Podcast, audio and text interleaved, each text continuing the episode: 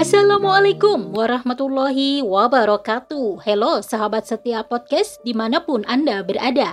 Jumpa dengar kembali dengan saya Mimi Mutmainah. Seperti biasa akan menemani ruang dengar Anda dalam rubrik opini. Jangan ke mana-mana, tetap setia bersama kami. Kali ini saya akan membawakan judul Kelangkaan Pangan di Tanah Subur Islam Solusinya oleh Novianti Badan Pusat Statistik BPS sebagaimana yang dilansir CNBC Indonesia.com 1 Juli 2022 melaporkan inflasi pada Juni mencapai 0,61 persen, melesat dibandingkan yang tercatat pada Mei yakni 0,4 persen. Sementara secara tahunan, inflasi pada Juni menembus 4,35 persen. Hal itu menjadi catatan inflasi tertinggi selama lima tahun terakhir. Harga yang bergejolak menjadi pengungkit inflasi yang jauh di atas target pemerintah.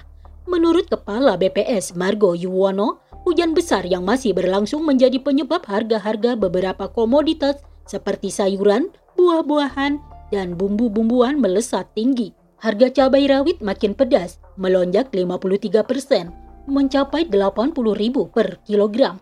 Harga telur ayam ras mencapai 28.500 per kilogram bahkan di beberapa daerah merangkak hingga 30.000 per kilogram.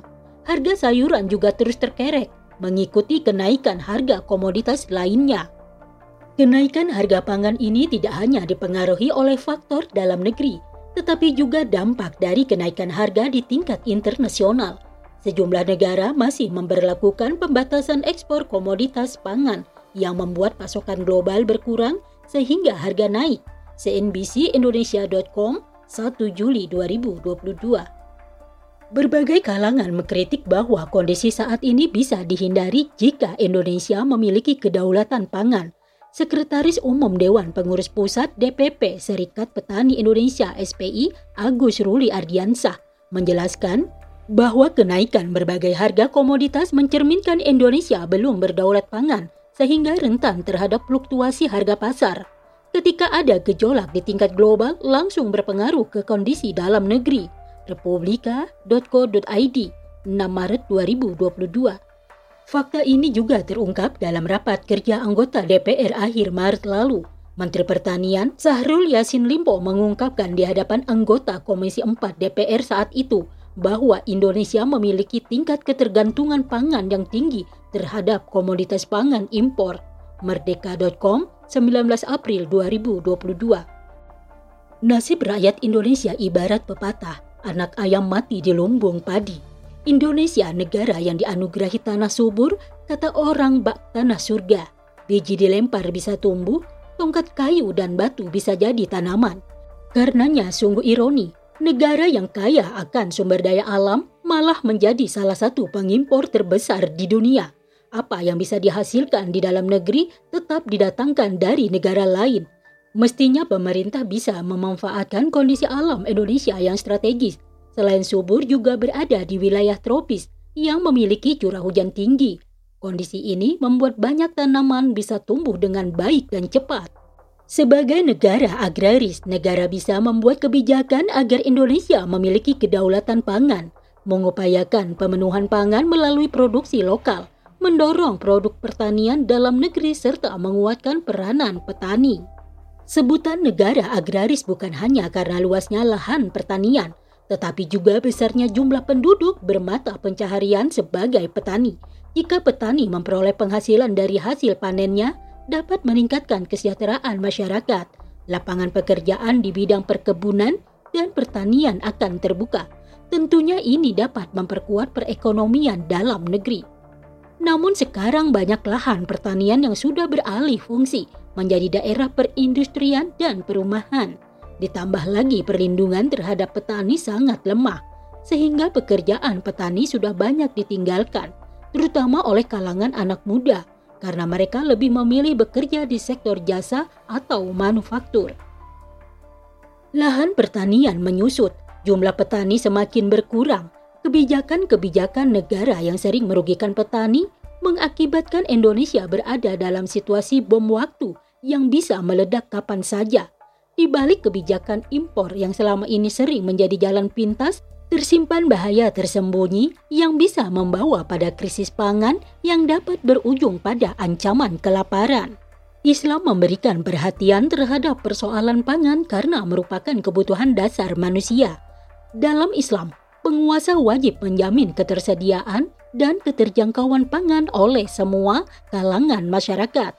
Caranya melalui penerapan hukum Islam, aturan sempurna dari Allah Subhanahu wa taala dengan penerapan berbagai kebijakan secara terpadu.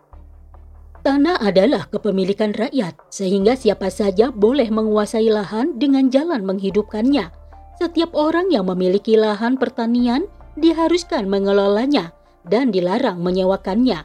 Jika ada penelantaran tanah selama tiga tahun berturut-turut, tanahnya akan diambil negara dan diserahkan kepada yang lain. Negara harus memastikan agar tidak terjadi pengalihan fungsi lahan tanah-tanah pertanian. Baitul Mal akan memberikan modal kepada para petani yang membutuhkan agar mampu menggarap tanahnya. Tidak hanya dibantu dari sisi pemodalan, petani dibina agar dapat meningkatkan produktivitasnya. Impor pangan bukan hal yang diharamkan, namun negara tidak akan melakukannya jika memang diperlukan untuk melindungi kaum petani dan bisa mengancam kedaulatan negara.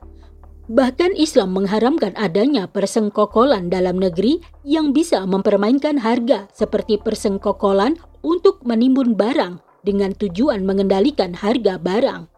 Siapa yang melakukan menimbun makanan terhadap kaum muslim, Allah akan menimpakan kepada dirinya kebangkrutan atau kusta. Hadis riwayat Ahmad. Negara akan menghukum para pelakunya semisal melarang mereka berdagang sampai jangka waktu tertentu sebagai sanksi untuk mereka. Tindakan ini terutama ditujukan kepada para pengusaha dan pedagang besar yang paling mungkin melakukan tindakan jalim tersebut. Negara membangun infrastruktur seperti jalan untuk menjamin pendistribusian pangan ke seluruh daerah. Berikut irigasi-irigasi untuk mengairi lahan-lahan pertanian Zakat hasil pertanian dan zakat perdagangan diberlakukan sebagai pemasukan baitul mal yang dimanfaatkan sesuai dengan peruntukannya. Jika ada sebuah tempat yang mengalami kekurangan pangan, negara akan menyerukan penduduk di daerah lainnya dalam wilayah Islam untuk membantu, sebagaimana yang pernah terjadi pada masa kepemimpinan Khalifah Umar bin Khattab. Saat itu wilayah Hijaz dalam keadaan kemarau yang berkepanjangan sehingga para penduduknya kelaparan. Tanaman kering kerontang, peternakan hancur total karena hewan-hewan kurus kering dan tidak menghasilkan susu.